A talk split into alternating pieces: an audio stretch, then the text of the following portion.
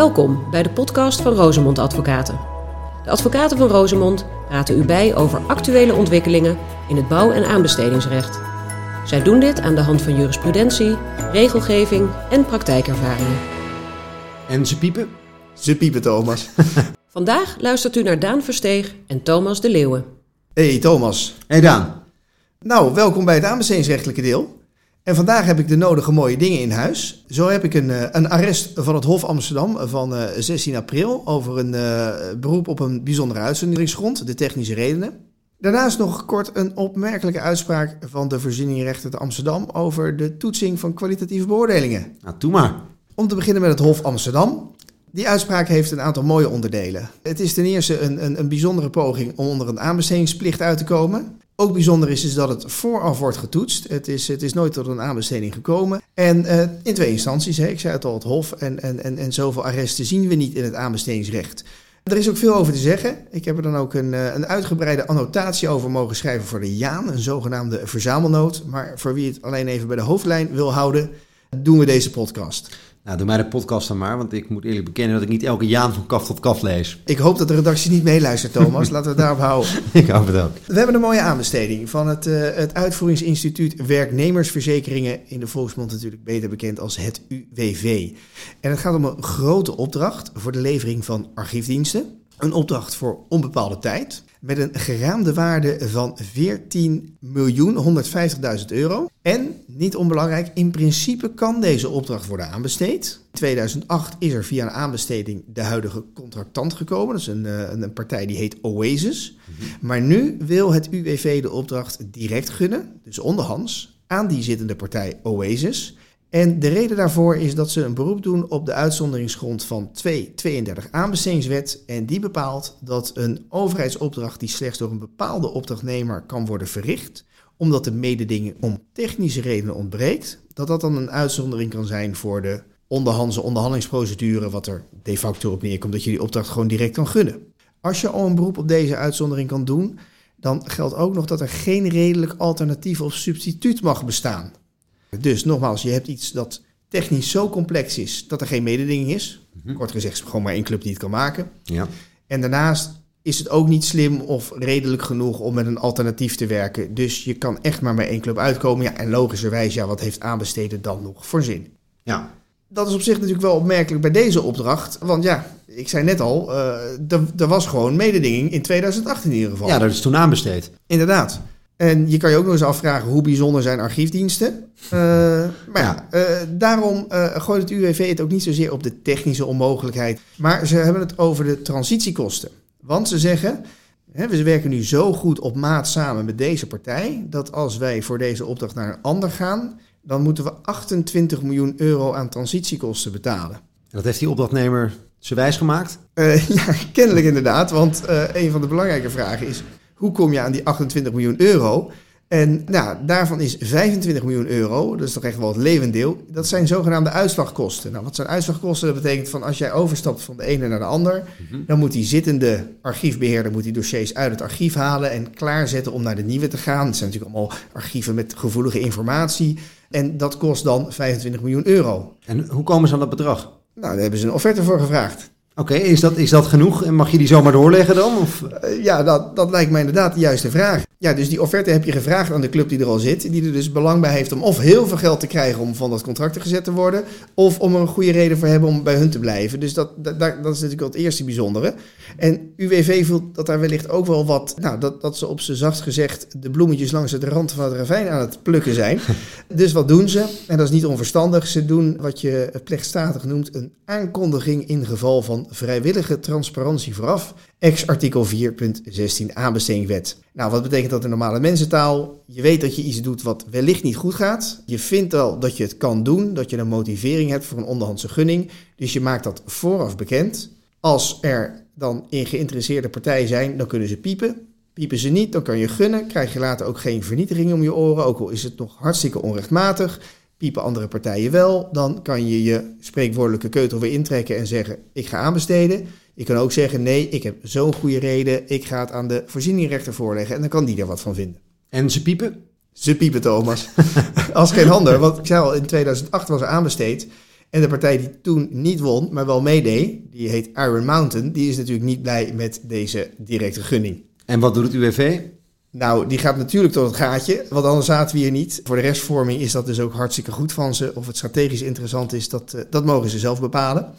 Um, maar wat is de uitkomst daarvan? Nou, de rechtbank is eigenlijk heel kort. Die zegt, nou, het is een financiële reden, hè, die uitslagkosten. En uh, deze uitzonderingsgrond gaat over technische redenen. Kortom, je hebt helemaal geen beroep op deze uitzonderingsgrond. En dan zegt hij ten overvloede, en daar kan ik hem eigenlijk wel in volgen, die uitslagkosten, hè, dat, dat, dat weer wegzetten van die contracten, die zijn zo hoog omdat je een, zelf heb je een, een vendor lock-in gecreëerd. Ja, die heb je gecommitteerd aan één partij. Exact. En dat heb je in het begin ooit verkeerd gedaan, want dat had je best kunnen voorkomen. Hoe doe je dat dan? Nou ja, kijk, op het moment dat je in 2008 die aanbesteding aanbesteedt, weet je dat er een moment komt dat je weer opnieuw gaat aanbesteden. Dan kan je in de opdracht al meenemen welke prijs geeft u af voor een soepele overgang, een soepele transitie naar een opvolgende opdrachtnemer. Ja. Dus dan laat je alle partijen die meedoen ook al over hun eigen graf heen regeren. En dan heb je een, eh, een, een marktconforme prijs daarvoor. En dan veronderstel ik dat die als een stuk lager zou kunnen uitkomen dan die 25 miljoen. Ja, want dat is eigenlijk nog een extra bezwaar wat je hier tegen zou kunnen, kunnen, uh, kunnen aanvoeren. En niet alleen mededingingsrechtelijk, maar het is natuurlijk überhaupt heel onwenselijk dat je je zo committeert aan één partij. Wat er beter in lengte de dagen aan de goden overgeleverd, uh, lijkt me. Nou, uh, helemaal waar. Dat is precies waar het hier natuurlijk misgaat. En wat is dan leuk, dan zegt die voorzieningenrechter, omdat jij jezelf in de nest hebt gewerkt en omdat dat ertoe leidt dat jij kennelijk maar bij één club een belachelijke offerte kan krijgen voor een transitie van 25 miljoen euro, moet je en aanbesteden. En die 25 miljoen euro, die ga je zelf maar lekker bij betalen. Dat, ja. uh, daar heb je zelf in de nesten gewerkt. Die mag je niet eens doorleggen. Mm -hmm.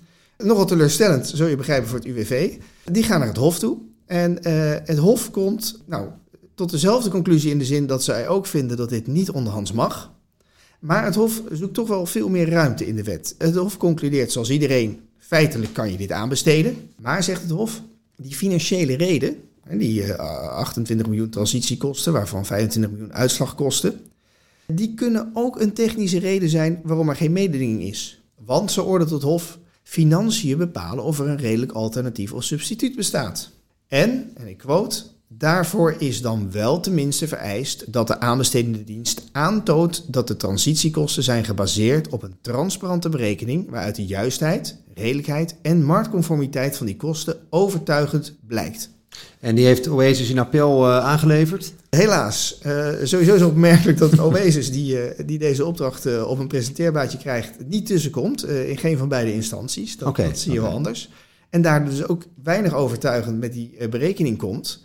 het zou je ook niet verbazen dat, die, dat Iron Mountain zei dat, dat die kosten voor geen meter kloppen. Nee. En ook UWV laat het kennelijk behoorlijk liggen in het motiveren van het astronomische bedrag. Nou, het Hof zegt dus, zolang die berekening er niet is, kunnen wij niet eens gaan kijken of dit tot een uitzondering gaat leiden.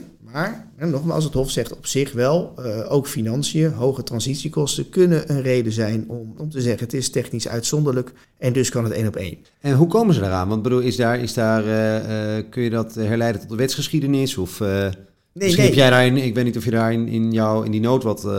Nou, in die nood herleid ik gewoon de tekst van de wet. En dan ja. zeg ik, het Hof haalt twee stappen door elkaar heen. Volgens mij is deze bepaling heel duidelijk geschreven. Alleen als er technisch maar ja. één partij in staat is om iets te maken, dan kom je bij deze uitzondering. Ja. Dan ben je hier dus bij lange na niet, want er zijn tal van archiefbeheerders. Ja.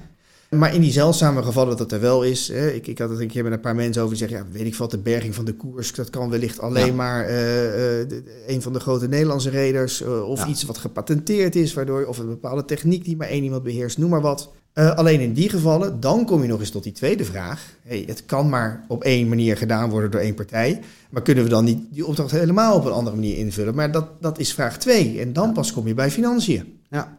Uh, in dit geval zou ik zeggen, ja, ga dan lekker aanbesteden. En dat dan blijkt dat de ene club veel duurder is dan de ander. Omdat de ene er al zit en de ander wat transitiekosten moet overnemen. Maar ja, dan blijkt wel uit die aanbesteding dat de een voordeliger is dan de ander. Maar ja, daarvoor hebben we toch aanbestedingsrecht. Ja. En last but not least, dat lijkt iedereen in dit hele verhaal te vergeten. Stel dat je inderdaad die andere partij nauwelijks concurrerend kan meedoen. Dan zit toch nog steeds dat Oasis op dit moment al elf jaar lang op hetzelfde contract. Ja. Nou, alleen dat lijkt me al een goede reden om eens een keer te gaan aanbesteden. Om te zorgen dat die, die, die voorwaarden ja, weer wat marktconformer zijn. Ja. ja, uiteindelijk ook in het belang van, van het UWV, denk ik. Dat is merkwaardig natuurlijk. Juist in het belang van de UWV inderdaad. Ja. Want die zit maar op oude voorwaarden door te beduren. Ja. Maar hoe dan ook, ik ben het eens uh, met de uitkomst dat ze moeten aanbesteden. Want het dictum is heel duidelijk. Als je deze opdracht nog een keer wil gunnen, dan zou je dat moeten doen uh, aan de hand van volledige, transparante aanbestedingsprocedure, waaraan ook Iron Mountain, die andere partij, kan meedoen. En dat is denk ik ook de moraal van het verhaal. Je komt echt niet zomaar weg met een uitzonderingsgrond om één op één te gunnen. Zeker niet als het om een opdracht voor diensten voor 14 miljoen euro gaat. Wat kan je hiermee voor de toekomst? Ik zou zeggen les 1. Heel flauw natuurlijk, maar voorkomen is beter dan genezen. Je kan dus door in de eerste aanbesteding al even na te denken: hoe ga ik de transitie naar de eerstvolgende opdracht regelen? Precies om wat jij net zei, Thomas, dat je voorkomt dat je voor altijd en eeuwig aan één partij veroordeeld bent, mhm. kan je al zeggen: jongens, ik ga jullie nu voor tien jaar de opdracht gunnen. Wie weet krijg je hem daarna weer voor tien jaar. Maar zorg er in ieder geval voor dat we ook een exit-protocol hebben ingebakken. Dat als je hem wel verliest, dat je een soepele transitie naar een ander overdraagt. Ja. En de andere is, als je inderdaad de grens opzoekt, is het inderdaad heel slim om even netjes je vinger op te steken en te zeggen: Ik ben van plan onderhands te gunnen. Markt, ben je het ermee eens? En dan, een beetje mijn eigen mening, als de markt inderdaad zegt: Ik ben het er niet mee eens, want wij willen meedoen, dan zou ik niet blijven doorknokken over een uitzondering, maar zou ik zeggen: Jongens, dan gaan we nu lekker aan besteden. En dan de volgende uitspraak. Dat is een opmerkelijk kort gedingvonnis van de voorzieningrechter Amsterdam van 9 mei 2019. En wat is hier nou aardig aan? Het is een, eh, een aanbesteding in de, de kopieerbranche. Het bijzondere eraan is dat er staat een kwalitatieve beoordeling ter discussie. Mm En iemand is het niet eens met de onderbouwing van de score die hij heeft gekregen. Ja. Dat zien we vaker. En eigenlijk is dan wel het argument aanbestedingsrecht, ja, jammer, maar helaas, het voelt wellicht subjectief en oneerlijk, maar de rechter gaat niet op de stoel van de beoordelaar zitten en zal in beginsel, tenzij er evidente onrechtmatigheden zijn, uitgaan van de juistheid van dienstbeoordeling. En wat is nou het aardige? Deze rechter lijkt daar een beetje uh, op terug te komen op wat ook wel de marginale toets wordt genoemd. En die overweegt Hieruit volgt dat indien sprake is van zodanige onjuistheden of onduidelijkheden in de motivering van de gunningsbeslissing, dat redelijk handelende en redelijk deskundige beoordelaars deze niet mochten laten ontstaan en de aanbesteder deze niet voor zijn rekening mocht nemen, er plaats is voor ingrijpen door de rechter. Nou, dat woordje redelijk, dat is echt nieuw. Dat was vroeger altijd bij evident onrechtmatig. Nou, voor zover je nog afvraagt van, heeft die rechter het gewoon even anders verwoord of Komt hier een mhm. koerswijziging? Nou, wel degelijk, want dan gaat hij verder. Voor rechtelijk ingrijpen is dus niet slechts aanleiding in geval van evidente onjuistheden. Okay. Hij maakt zelf echt die demarcatie tussen nee, redelijk is al voldoende en bij evident. Um, dat, dat, zover hoeft het niet te gaan. Want, zo zegt hij, als je zo'n zeer terughoudende maatstaf zou hanteren, dreigt immers het risico dat de beginselen van transparantie en gelijke behandeling onvoldoende tot hun recht komen en dat aan de mogelijkheid van favoritisme en willekeur te veel ruimte wordt geboden. Mooi geformuleerd. Schitterend. Dus een, een, beoordeling om een strik omheen te doen. En wat mij betreft mag dit echt een goed precedent zijn voor de toekomstige beoordelingen van hoe kwalitatief uh, het cijfer tot stand is gekomen. Want wat is nog leuk, de uitkomst van het verhaal is ook nog loopgevend. Wordt meermaals beoordeeld of iemand wel of niet smart heeft ingeschreven. Mm en persoonlijk gaan dan bij mij altijd een beetje de nekharen overeind gaan. Want wat smart is, ja, de helft van Nederland beoordeelt het wel, maar weet niet waar het acroniem voor staat. In deze zaak gaat, zoals zo vaak gebeurt, helaas, die beoordelaars steeds roepen: ja, iets is onvoldoende smart. Zonder daar verder een toelichting op te geven. Als ik heel flauw ben, dan is in ieder geval dat niet smart, die beoordeling. Maar iets serieuzer, die rechter die, die geeft daar toch echt een heel mooie. Die maakt daar korte metten mee. Want die oordeelt dan. Hierbij komt dat het oordeel en daarin ligt het besloten het verwijt, dat herhaaldelijk terugkeert, inhoudend dat bepaalde antwoorden of beschrijvingen niet smart zijn onderbouwd, zo vaag en algemeen is dat hiermee voorshands niet aan de primair aan het beoordelingsteam en vervolgens aan de, de, gemeente, stellen, de gemeente te stellen motiveringseisen is voldaan. Kort en goed, als jij alleen maar roept het is niet smart genoeg, ja. heb jij niet aan je motiveringsplicht onder het aanbestedingsrecht voldaan. Schitterend oordeel. En het is een interessant. De vraag is natuurlijk: ga je dit terugzien in andere uitspraken? Mijn persoonlijke mening is dat een aantal rechters in Nederland, bijvoorbeeld in Den Haag, heel makkelijk zeggen: uh, alleen bij evidente onrechtmatigheden grijp ik in. Ja. dus die marginale toets. Zouden zij nu allemaal gaan zeggen: Nou, in Amsterdam heeft iemand het licht gezien, dat gaan we volgen. Of trekt iedereen voorlopig nog zijn eigen plan? De cliché, de toekomst zal het leren. Maar uh, ik, ik, roep in ieder geval iedereen op om, uh, om deze uitspraak veelvuldig te citeren. Heel goed. Dat was hem. Dankjewel, Daan. Dit was de podcast van Rosemond Advocaten. Leuk dat u luisterde. Heeft u vragen naar aanleiding van de podcast? Mail naar podcast.rozemond.nl of ga naar onze website waar u ook eerdere afleveringen vindt. www.rozemond.nl